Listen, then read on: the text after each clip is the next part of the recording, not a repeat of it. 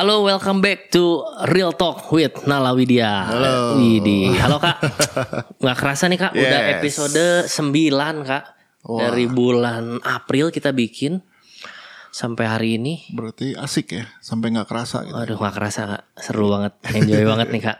Apalagi saya juga sangat terberkati sama apa yang uh, Kanala share buat setiap podcastnya nih Kak. Yes. Nah. wow. Ini hari ini kita mau bahas yang kemarin aku udah share nih di eh, IG ICC Church kak Ya. pertanyaannya. Nah mungkin Ya. nanti ke depan ke depan nih teman-teman eh, aku bakal post di IG ICC Church Oke.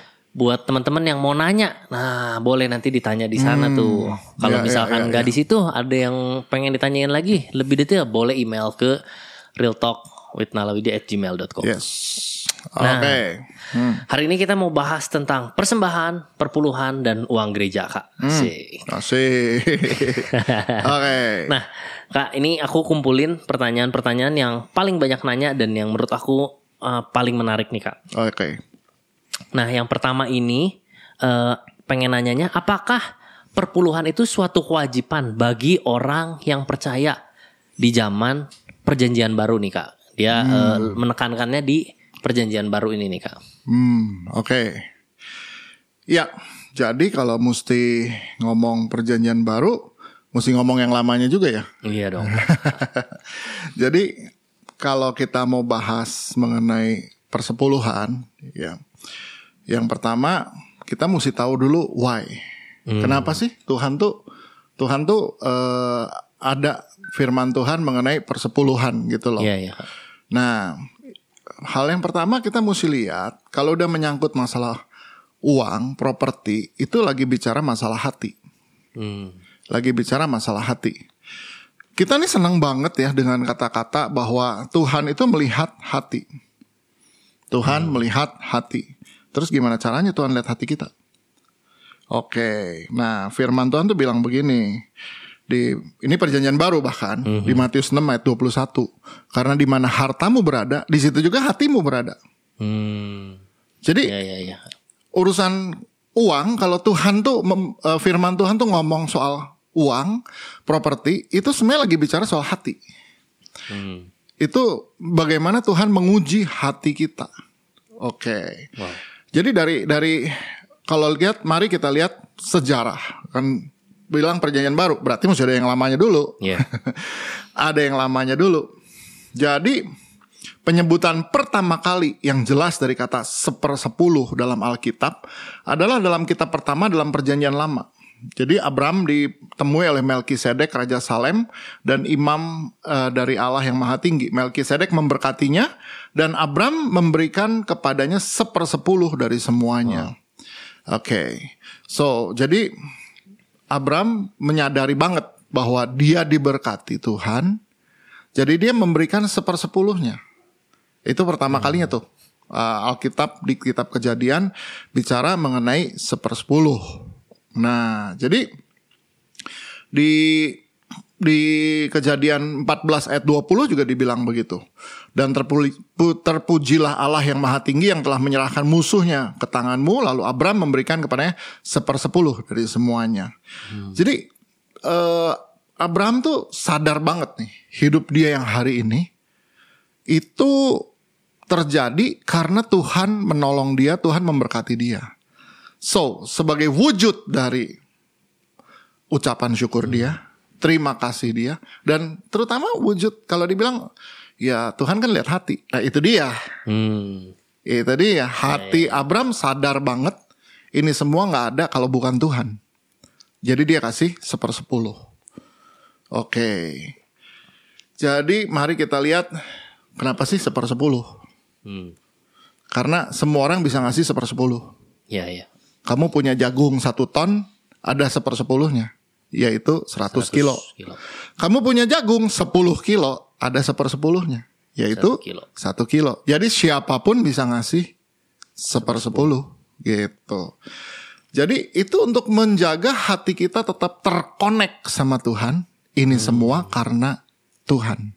Oh, Itu yang Abraham buat. Oke. Dan firman Tuhan suruh kita lakukan itu. Kembali sekarang kalau kita mau ngomong soal itu di perjanjian oh tapi itu kan perjanjian lama. Wah, sering banget tuh ya. Bahkan di perjanjian lama tuh ditekankan lagi di kitab ulangan. Jadi tadi kan kejadian ini ulangan. Ulangan 14 ayat 22 dibilang haruslah engkau benar-benar mempersembahkan sepersepuluh dari seluruh hasil benih yang tumbuh di ladangmu tahun demi tahun. Jadi hasil ladang, jadi dulu kan persepuluhan itu hasil ladang. Nah nanti hasil ladang ini baru mereka jual kan, gitu loh. Hasil ladang tuh sepersepuluhnya dari semua benih yang tumbuh di ladang tahun demi tahun. Ya kenapa? Bahkan dibilang bener-bener nih. Ya itu tadi 100 kilo sepersepuluh. 10 kilo ini punya Tuhan. Dia persembahkan sepersepuluh. Why? Ya, menjaga hati kita tahu ini ladang nggak akan tumbuh kalau Tuhan nggak turunkan hujan dan matahari. Wow. Ini kalau bukan berkat Tuhan, ini ladang nggak akan tumbuh. Dan untuk itulah hati kita tetap mesti ingat ini Tuhan yang kasih. Dengan cara apa? Ini sepersepuluh punya Tuhan saya berikan. That's the way, gitu loh. Ya, ya, ya. Nah, jadi benar-benar ini dibuat ya di kitab ulangan, di kitab imamat ada lah ya di kitab imamat. Jadi benar-benar diingetin lagi imamat 27 ayat 30. Pokoknya dari hasil ladang kamu eh, dari hasil ladang bahkan di sini dibilang eh, dari buah pohon-pohonan itu milik Tuhan. Itulah persembahan kudus un- bagi Tuhan.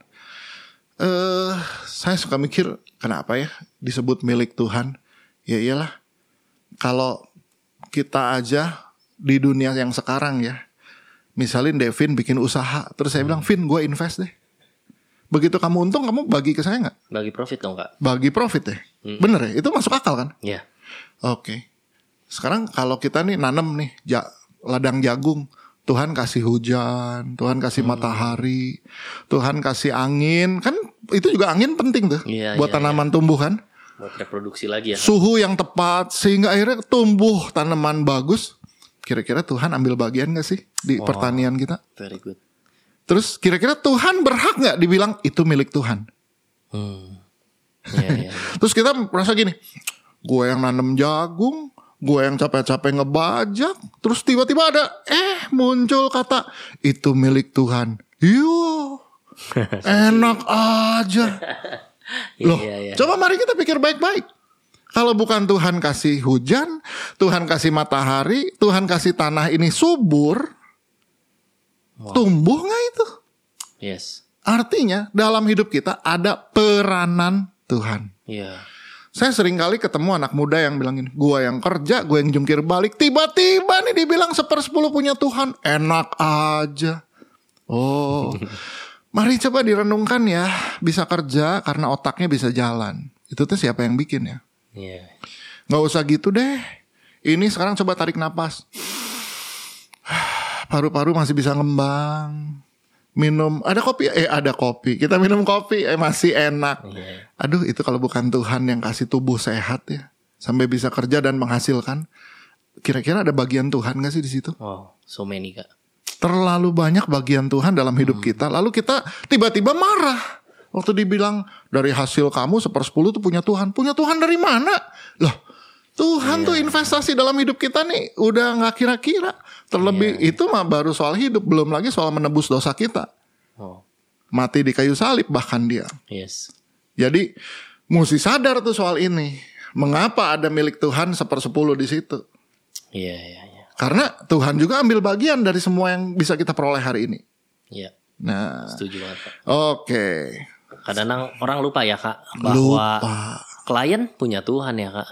Network dari Tuhan. Benar. Bahkan kadang-kadang kita lupa bisnis sendiri aja itu punya Tuhan kan, Benar. punya kita. Ini kopi enak nih. Waduh. Yang kamu bikin enak nih. Kok Devin ngebikin kopi enak. Asik. Jangan you. lupa yang numbuhin kopi siapa? Ah, Tuhan kak. Terus kita jualan kopi laku orang bilang kopinya enak. Yang bikin nih kopi enak, Bijinya. bijinya bagus. Iya. Terus tumbuhnya gimana?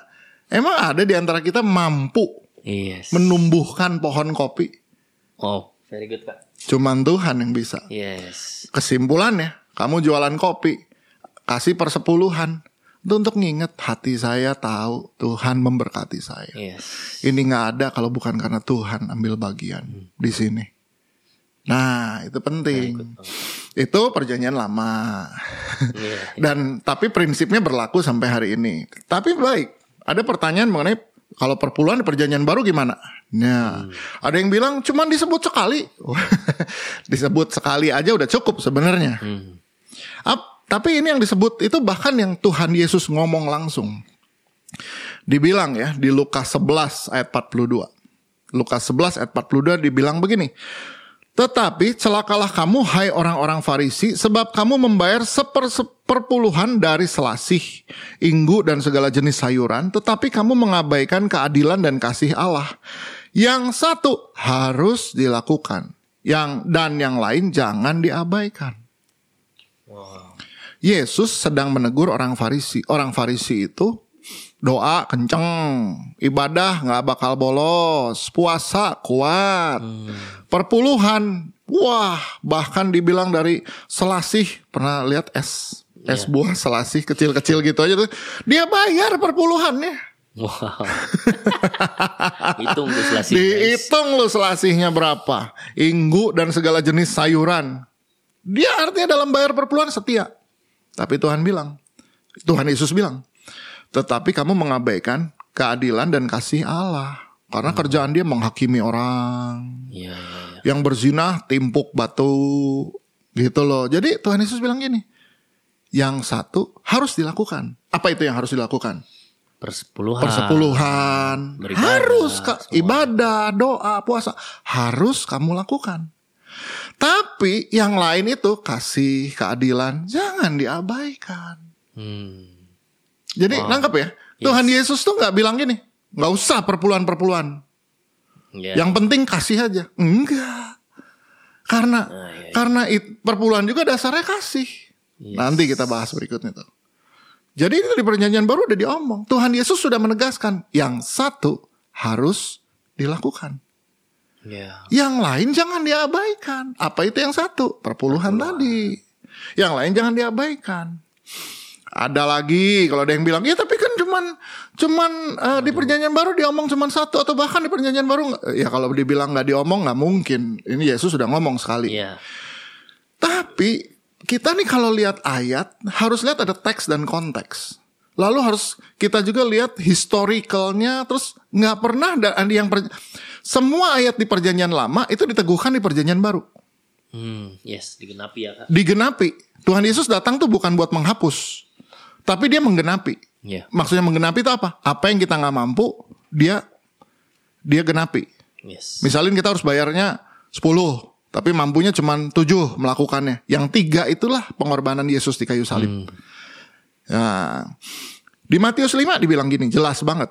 Matius 5 ayat 18. Karena aku berkata kepadamu, sesungguhnya selama belum lenyap langit dan bumi ini, satu iota atau satu titik pun tidak akan ditiadakan dari hukum Taurat sebelum semuanya terjadi.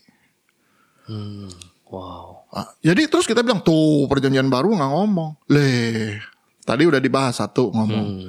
Tapi dengan Tuhan Yesus bilang ini ya, selama langit bumi ini belum lenyap, satu iota, satu titik nggak akan ditiadakan dari hukum Taurat. Jadi dari yang perjanjian lama masih berlaku nggak yang sekarang?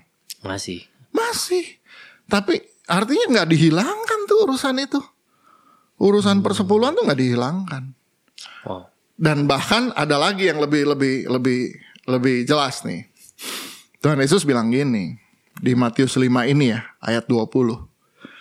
Maka aku berkata kepadamu, Matius 5 ayat 20 ini saya senang banget bacanya. Maka aku berkata padamu, jika hidup keagamaanmu tidak lebih benar daripada hidup keagamaan ahli-ahli Taurat dan orang-orang Farisi, sesungguhnya kamu tidak akan masuk ke dalam kerajaan sorga Wow. kesimpulannya kehidupan keagamaan orang Farisi dan ahli Taurat itu tuh standar paling minim kata Tuhan Yesus. Wow. Nah kehidupan orang Farisi dan ahli Taurat itu apa? Tadi tuh doa, puasa, perpuluhan. Hmm. Itu standar minimum kata Tuhan Yesus. Kamu harus bisa lebih benar dari dia. Maksudnya lebih benar dari itu apanya? Maksudnya kamu tetap doa, kamu tetap puasa, Ada kan juga anak muda suka bilang, oh puasa nggak perlu perjanjian lama itu mah. Oh enggak juga perjanjian baru ada. Iya, iya. Kan Tuhan Yesus juga murid-murid nggak bisa ngusir setan. Dia bilang jenis ini hanya dapat diusir dengan doa dan puasa. Jadi doa mesti, puasa mesti, perpuluhan mesti. Lebih benarnya apa? Ditambah kasih, ditambah keadilan, Wow. ditambah belas kasihan. Dan yang paling penting ditambah pengorbanan Yesus di kayu salib yang memampukan kita melakukan itu semua. Iya. Nah, jadi ternyata di perjanjian baru nggak dibatalin tuh perjanjian lama. Hmm. Dan bahkan dibilang kehidupan orang Farisi dan ahli-ahli Taurat itu itu mah hal yang paling standar yang paling rendah. Wow. Kamu harus lolos standar yang harus lebih tinggi dari mereka. Lagi mana bisa lebih tinggi kalau yang rendahnya dibuang? Hmm. Iya, iya, iya. Benar nggak? Yes, yes, yes. Kamu cuman sekolah SD. Nah, kamu harus sekolah lebih tinggi dari dia. Artinya, tetap dong kamu harus lulus SD. Betul nggak? Yes. Kalau kita lagi ngomong tuh jangan kayak dia cuman lulus SD. Kamu harus lebih tinggi dari dia. Ya tetap dong berarti kamu harus lulus SD kan. Hmm. Iya, Kak. Tambah SMP, SMA, universitas gitu kan. Yes. Bukan berarti gini. Oh tuh kan bener kan kita mau harus lebih tinggi dari dia. Jadi terus kita nggak SD. Ya enggak lah. Sekolah SD mesti habis dulu. Iya, iya. Plus SMP, SMA, kuliah. Gitu dong.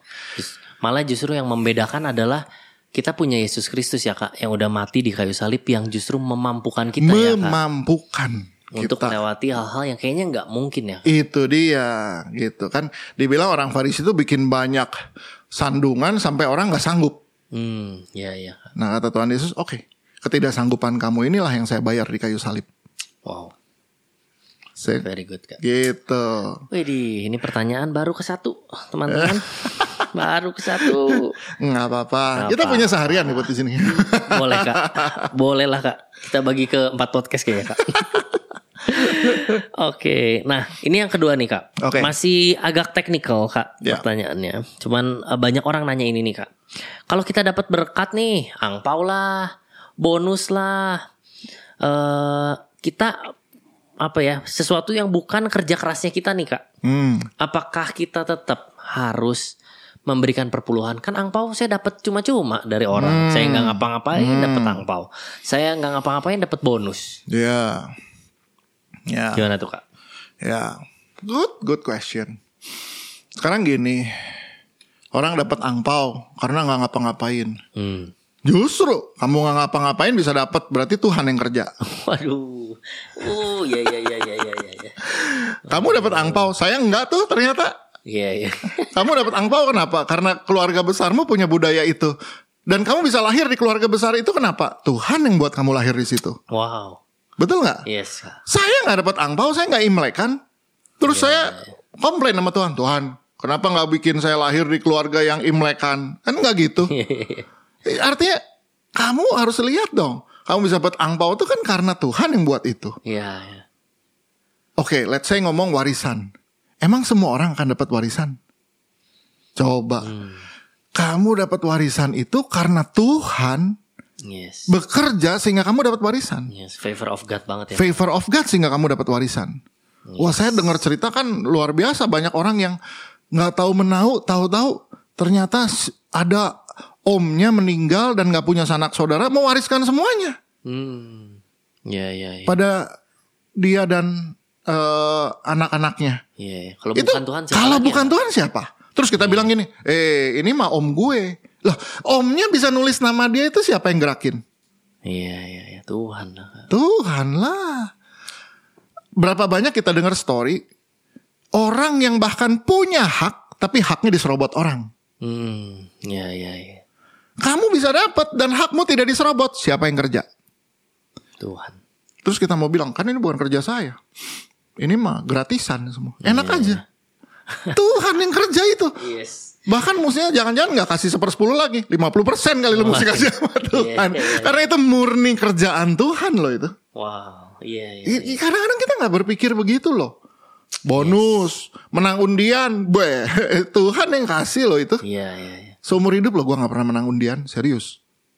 Undian apa pun saya nggak pernah menang. Even hadiah cuma rice cooker nggak pernah menang tuh. Dan itu nggak menjadi penyesalan dalam hidup saya. Biar nggak apa-apa nggak masalah. Wow. Tapi kan kalau orang misalnya menang undian, ah tapi ini kan karena keberuntungan, bukan karena Tuhan. Yes. Enak aja. Tuhan kerja loh itu. Wow. Dan Iya, Tuhan memeliharakanmu dengan apa yang ada dalam hidupmu, itu pekerjaan Tuhan banget. Yes. Nah, jadi mari kita lihat dengan sudut pandang yang benar nih soal ini. Hmm. Seringkali kita lupa ya. Kita pikir, oh angpau, wah itu kan hasil kerja keluarga besar. Enggak juga. Mm-mm. Kamu lahir di keluarga itu siapa yang membuatmu lahir di situ? Iya, iya, iya. Tuhan lah. Jadi ada peranan Tuhan nggak? Ada. Jadi mesti kasih kembaliin punyanya Tuhan nggak sepersepuluh? Balikin dong. Yes. Tuhan punya peranan di situ. Kadang-kadang kita terlalu hitung-hitungan ya kak. Ya itu Sama dia. Tuhan. Ntar sama Tuhan dihitung loh satu tarikan napas 500 gimana? Kan udah ngalamin kemarin tuh pandemi kelabakan nggak ada oksigen Yes. atau bayar oksigen mahal sampai ada penipuan pengisian tabung betul nggak? Iya. Itu kan karena kita musuhnya itu menyadarkan kita betapa besar peranan Tuhan dalam hidup. Cuman buat napas aja tuh. Hmm. Aduh, saya naik sepeda dari Bandung ke Lembang. Berapa liter oksigen itu saya isep. Iya. Dan itu Tuhan kasih gratis. Waduh. Kadang-kadang kita pikir eh, kerjaan kita, kerja keras kita, tapi kita nggak pernah lupa kadang-kadang ya kak. Tuhan Iya. yang bekerja, Iya. kemurahan Tuhan. Itu dia. Kita anggap di ini peranan kita semua. Iya. Bahkan No, kadang-kadang hari ini bisa ketemu. Saya percaya juga Tuhan bekerja untuk Iya, setiap betul hal dong. kecil ya kak. Betul. Dan kita pikir semuanya harus dihitung gitu. Betul. Wow. Kita suka nggak memperhitungkan pekerjaan Tuhan. Yes, yes, yes. Tapi kita seneng banget menghitung pekerjaan kita. Iya. Oh, ini karena gua nih, ini karena gua nih. Terus yang karena Tuhan mana? Iya, iya, iya. Wow. Very good banget, Kak. Nah, ini tambahan satu lagi nih, Kak, tentang eh, perpuluhan nih, Kak. Hmm, Kalau misalkan nih, saya lagi dalam kondisi berhutang, Kak. oke. Saya punya utang. Nah, gimana ya? Bayar utang dulu atau perpuluhan dulu atau mendingan ah, uangnya kayaknya buat bayar utang sebagian, buat makan sebagian. Perpuluhan mah ngertilah Tuhan. Saya lagi berhutang, Kak. Oke. Gitu. Eh, yang pertama, kamu harus bayar hutang pakai uangmu sendiri. Hmm. Jangan pakai uang orang. Iya, iya. Iya dong, Kak. Kamu punya uang seribu, dapat uang seribu, yang seratus rupiah itu punya Tuhan. Makanya perpuluhan nggak dibilang persembahan. Tapi di kitab Maleakhi Tuhan bilang mengembalikan. Oh, God's property ya kak? God's property 10% tuh di- mengembalikan milik Tuhan. Makanya tadi di perjanjian lama juga dibilang bahwa di eh, kitab apa ya yang di kitab hmm, ulangan ya. Eh, kitab imamat di kitab imamat tuh dibilang bahwa eh bahwa persem, di kitab Imamat 27 ayat 30 tuh dibilang bahwa dari tanah, dari benih maupun buah pohon adalah sepersepuluh itu adalah milik Tuhan. Hmm, Kayak udah udah ini ini bagiannya Tuhan. iya iya. iya. Jadi kesimpulannya kalau mau bayar utang, tadi punya duit seribu, bayarlah dari yang 900. Hmm, Karena yang 100 punya Tuhan. iya iya iya. Itu hal yang pertama. Bayar utang pakai uangmu sendiri. Yang 100 itu punya Tuhan. Yang sepersepuluh itu punya Tuhan. Kembaliin aja punyanya Tuhan. Yang kedua, percayalah bahwa Tuhan bisa menolong engkau lolos dari hutangmu. Oh yes. Saya sudah mengalaminya. Gitu loh. Saya pernah jadi orang yang in debt. Nah, saya pernah saya ceritain. Pernah yang terakhir kak? Oh yang terakhir ya? Aku Yang kartu ceritain. Iya benar benar benar. Iya, iya. Tuhan tolong kan. Yes. Tuhan tolong. Nah, makanya jadi eh kita juga mesti lihat bahwa ba- ada orang yang rajin dengan persepuluhan, tapi kok hidupnya tetap nggak pernah breakthrough di sisi keuangan. Makanya kita mesti bahas lagi nanti yang berikutnya bahasan kita adalah mengelola yang 9 per 10. Wah. Catat dulu. Ya, mengelola yang 9 per 10. Wah, 9 dari 10 bener tuh kak. Perlu dibahas tuh kak. Iya. Next nih ya kak. Aku, Iya, boleh, aku boleh, boleh, catat boleh. Nih. Nah, berikutnya nih kak. Hmm, Pertanyaan yang banyak juga orang tanya. iya. Apa kita boleh nggak sih kak berharap Hmm. kalau kita ngasih persembahan atau perpuluhan untuk Tuhan, Iya. kita harus ber- berdoa seperti apa sih, Pastor, ketika kita lagi memberi persembahan atau perpuluhan ini? Ya, ketika kita memberi ya, nomor satu berikan itu dengan tulus. Artinya tulus tuh gini, nggak ngitung.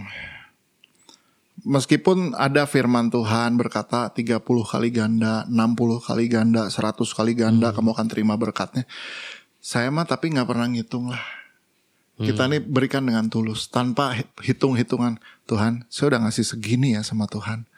Ntar Tuhan balikin lagi, Tuhan hitung lagi loh. 30 kali Tuhan. Hari ini kamu udah menghirup oksigen sekian liter.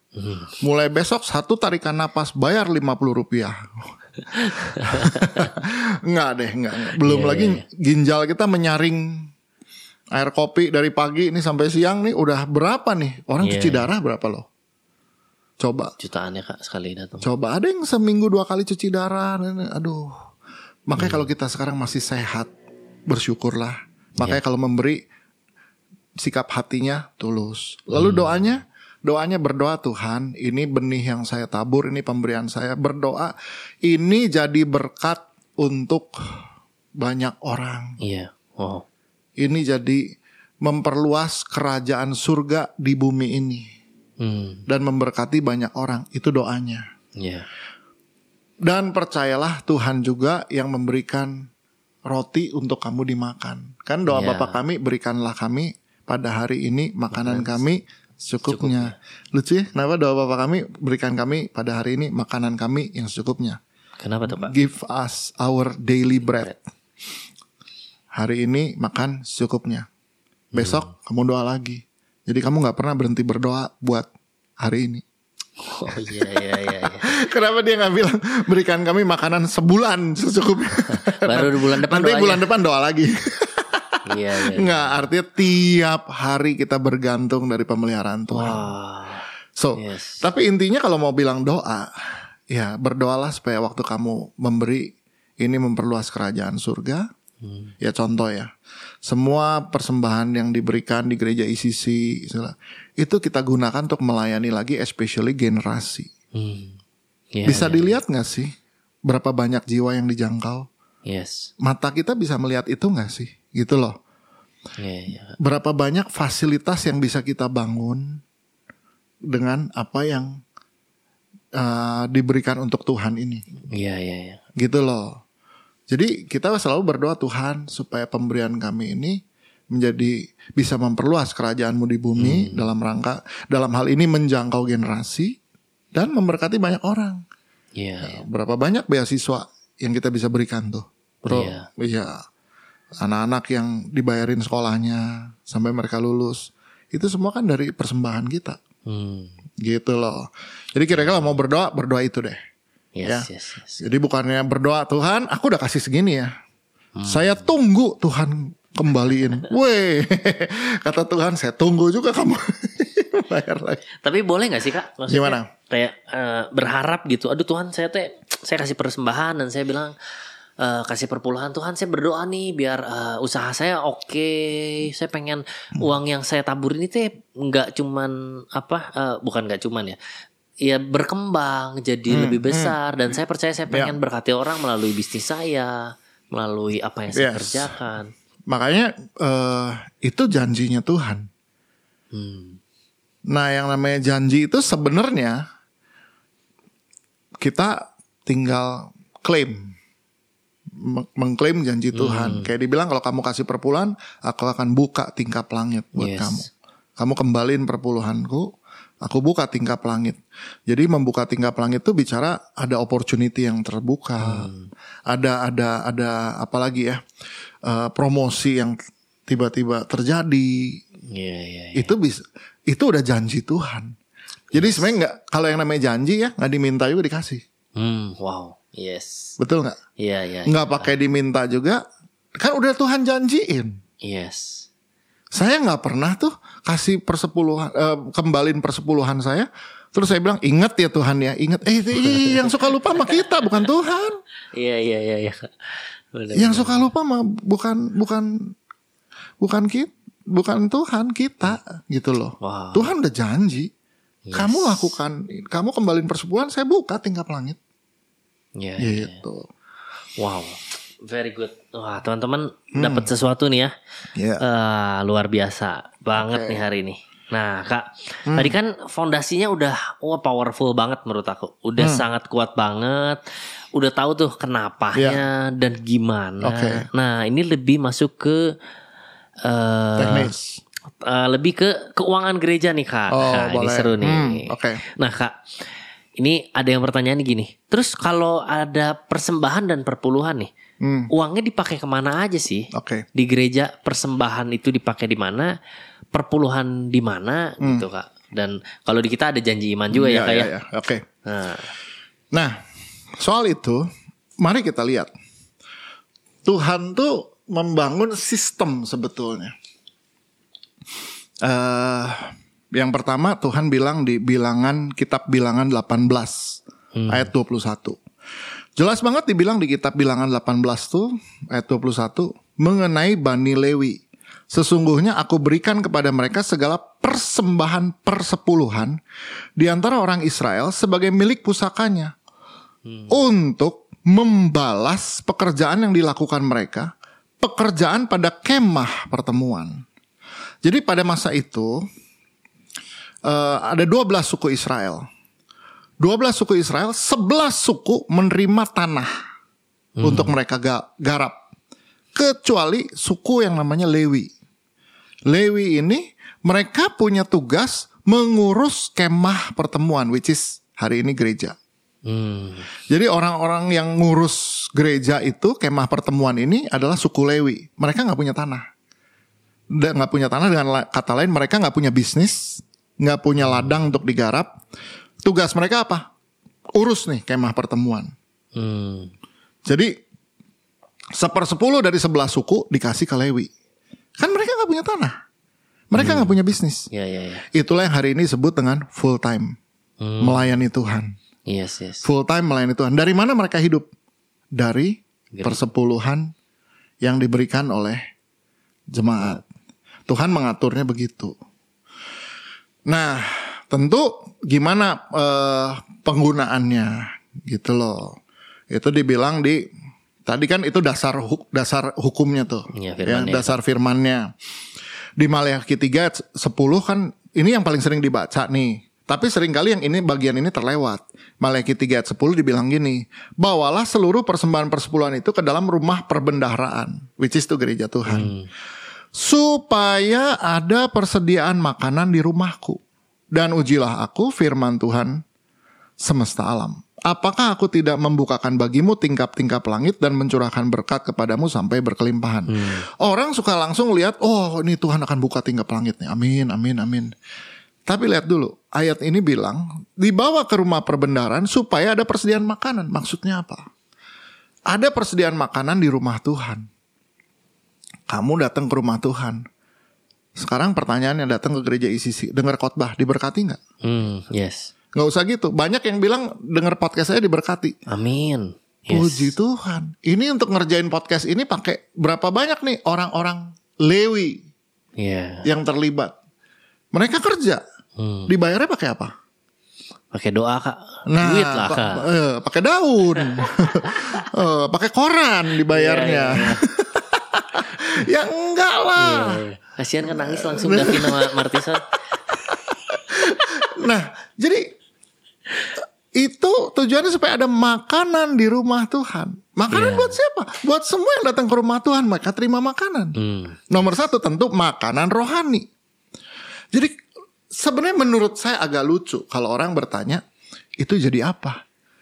Terus sambil dia bilang, oh anak saya seneng loh kalau datang ke eh, sekolah minggu ke si kidsnya ICC seneng loh. Oke, si kids jalan karena apa?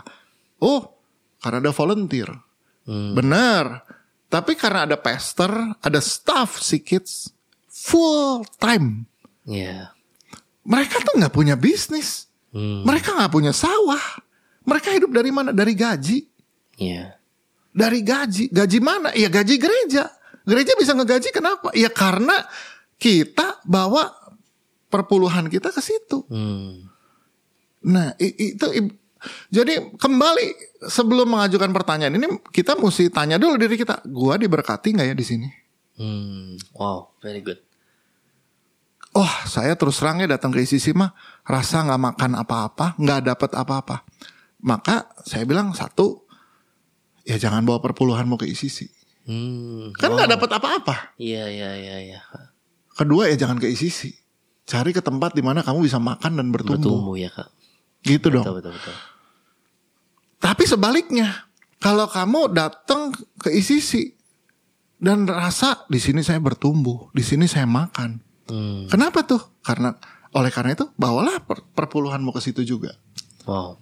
supaya ada makanan terus. Iya iya. Karena untuk ngejalanin itu semua itu kan nggak pakai daun, Iya. nggak pakai cuman doa aja. Apalagi pakai lembaran kertas koran itu bisa jalan, Iya iya iya. gitu loh. Nah it- itu itu yang kita mesti logik aja gitu loh. Hmm.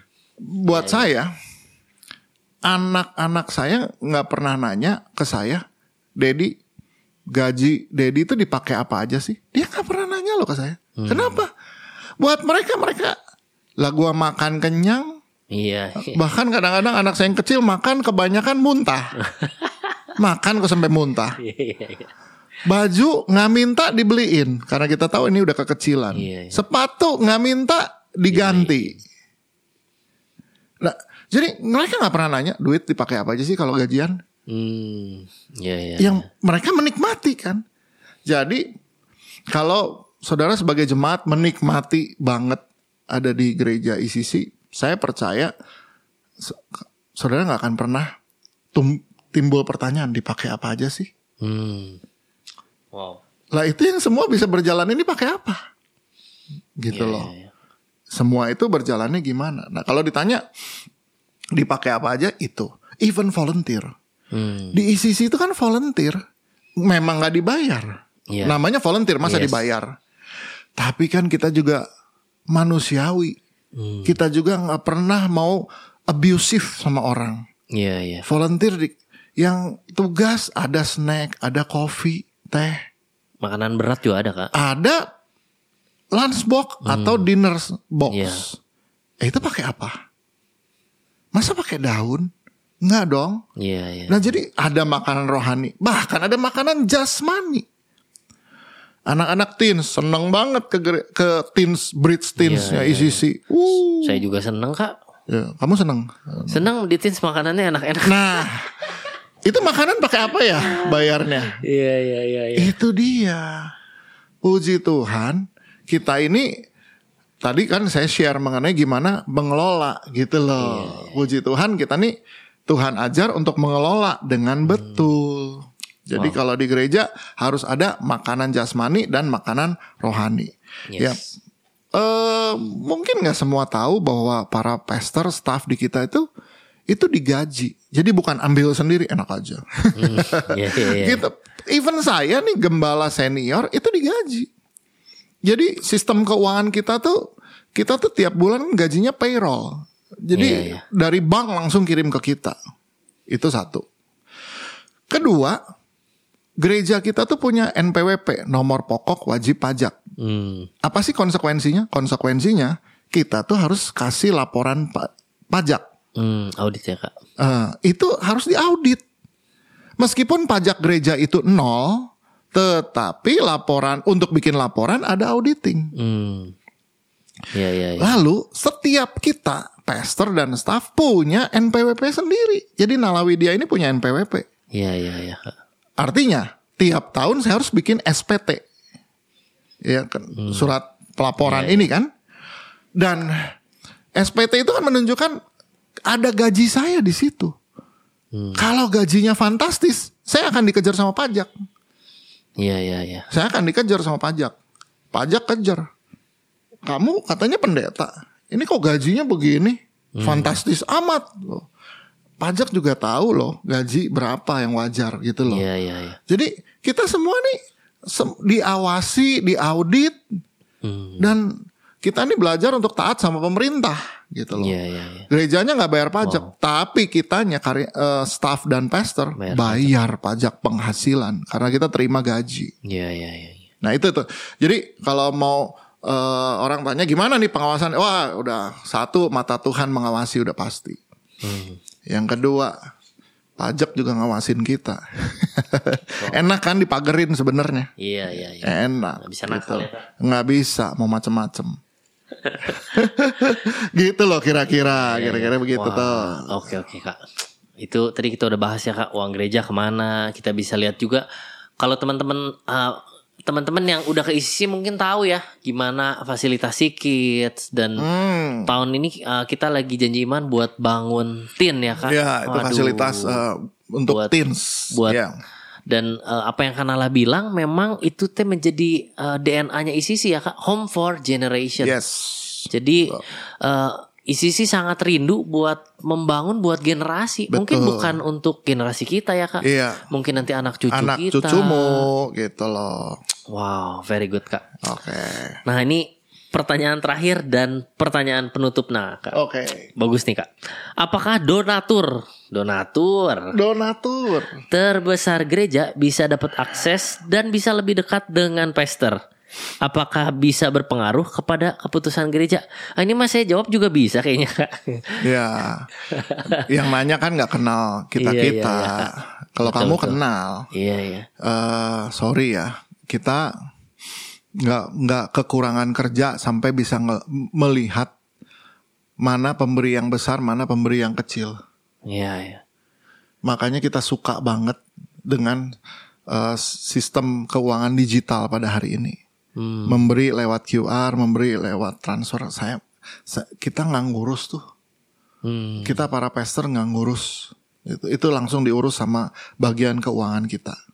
Iya iya iya. Saya nggak pernah tahu si A ngasih berapa, si B ngasih berapa. Dan semua hubungan di gereja ICC itu dibangun berdasarkan hubungan. Hmm. Dan hubungan itu harus melewati eh, Waktu apa? ya, Kak? Waktu dan melewati ujian. Iya iya. Wah, nggak bisa tuh. Istilahnya orang merasa dia memberi terus terus mau ngatur-ngatur. Hmm. Weh, cuman satu otoritas di sini, Yesus. Iya. Dan Tuhan Yesus sudah memberikan otoritasnya kepada kita para pemimpin yang ada di board juga untuk mengambil keputusan. Jadi Iya iya.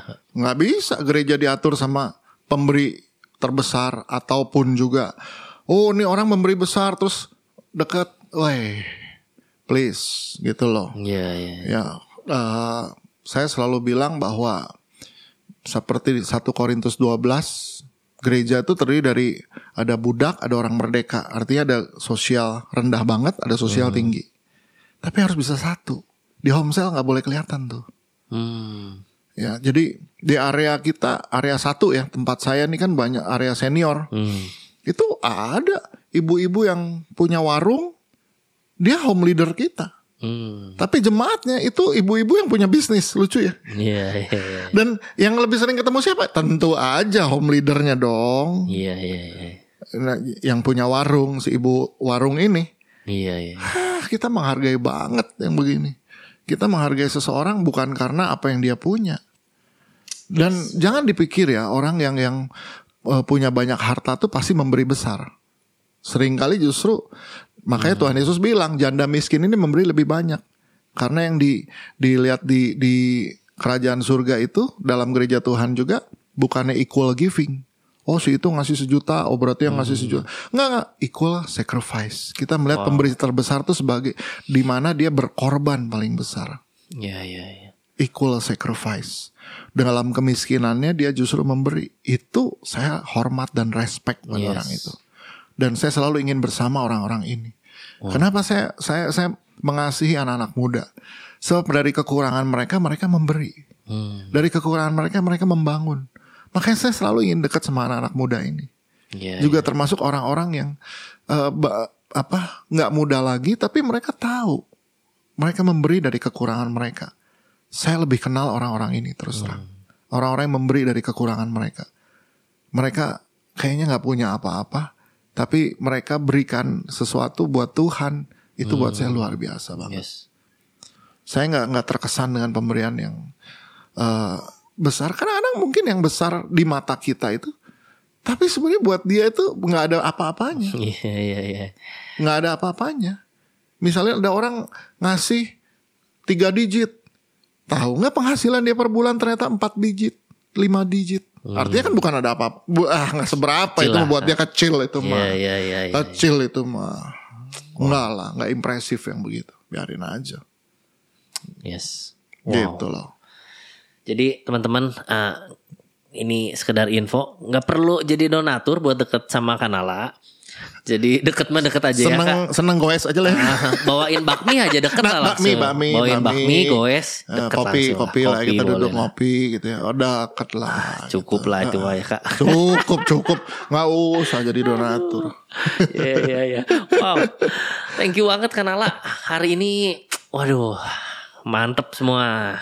Jadi kita belajar dari awal tadi uh, why-nya gimana sampai kita dengar gimana uh, uang yang dipakai di gereja terutama di ICC ya kayak Yes. dan percaya banget terberkati banget teman-teman untuk yang udah denger boleh di share ulang tag kanala tag ICC Church dan kita terberkati ya kak ketika bisa dengar testimoni orang-orang yang merasa terberkati apa yang kita bagikan di Puji podcast Tuhan. ini ya kak Ya, ya yang penting gini. Eh, saya pengen orang-orang yang punya luka dalam masalah ini, ya. Perpuluhan, persembahan, punya luka dalam sembuh lah. yes Ini yes. bukan soal gereja. Ini soal dirimu sendiri. Ya, kalau kamu nggak tahu arti menabur, kapan kamu akan mengalami yang namanya penuaian. wow very good kak Saya percaya sih memang perlu waktu untuk ini sembuh. Perlu waktu. Yang paling penting ini bukan bukan debat teologis yang kita perlukan, tapi pengalaman. yes Tapi pengalaman. Sama kayak Ayub yang berkata begini, dulu aku cuma dengar apa kata orang. Tapi sekarang mataku sendiri Yes. melihatnya. Very saya kenapa bisa dengan banyak hal yang saya buat ini, eh, especially soal perpuluhan nih topik hari ini ya. Saya setia dari zaman saya mahasiswa sampai sekarang. Karena mataku sendiri melihatnya. yes Bukan dengar kesaksian orang. Iya, Nah, iya. jadi saya dorong untuk saudara-saudara berhenti debat, debat teologis, berhenti wah questioning lah atau pahit lah. It's for you your own sake Iya. gitu loh. Alami sendiri dalam hidupmu. yes Ini semua nggak nggak berhenti, nggak akan habis didiskusikan di debat tanya Iya. jawab bla bla bla. Alamin aja. Kalau udah ngalamin, kau akan menjadi seorang yang firm dengan apa yang kau buat. yes Alamin sendiri. Apa Iya, yang kau tabur, kau tuai. Alami sendiri. Kau setia perpuluhan, tingkap langit dibuka. Hmm, yes. But disertai juga dengan pengelolaan yang benar di 9 per 10-nya. wow Ya, itu berikutnya lah ya. Yes, yes kak. Waduh. Jadi satu hal yang saya nangkep ya kak, bahwa Tuhan tuh nggak pernah ngambil sesuatu dari kita Enggak, ya. Kak. enggak, enggak. Walaupun terlihat logiknya kayaknya nggak masuk akal nih ngasih sepersepuluh buat apa? Tapi ketika kita udah punya relasi dengan Tuhan, kita kenal Yes. siapa Bapak kita, Betul. kita benar-benar mengalami dan kita tahu ya Firman ini nyata ya kak dalam betul. hidup ya kak. Iya, iya, iya. Yep. Wow, mantap. Oke. Thank you teman-teman buat yang udah dengerin hari ini. See you again in Real Talk with Talawidya. We keep it real. Oke.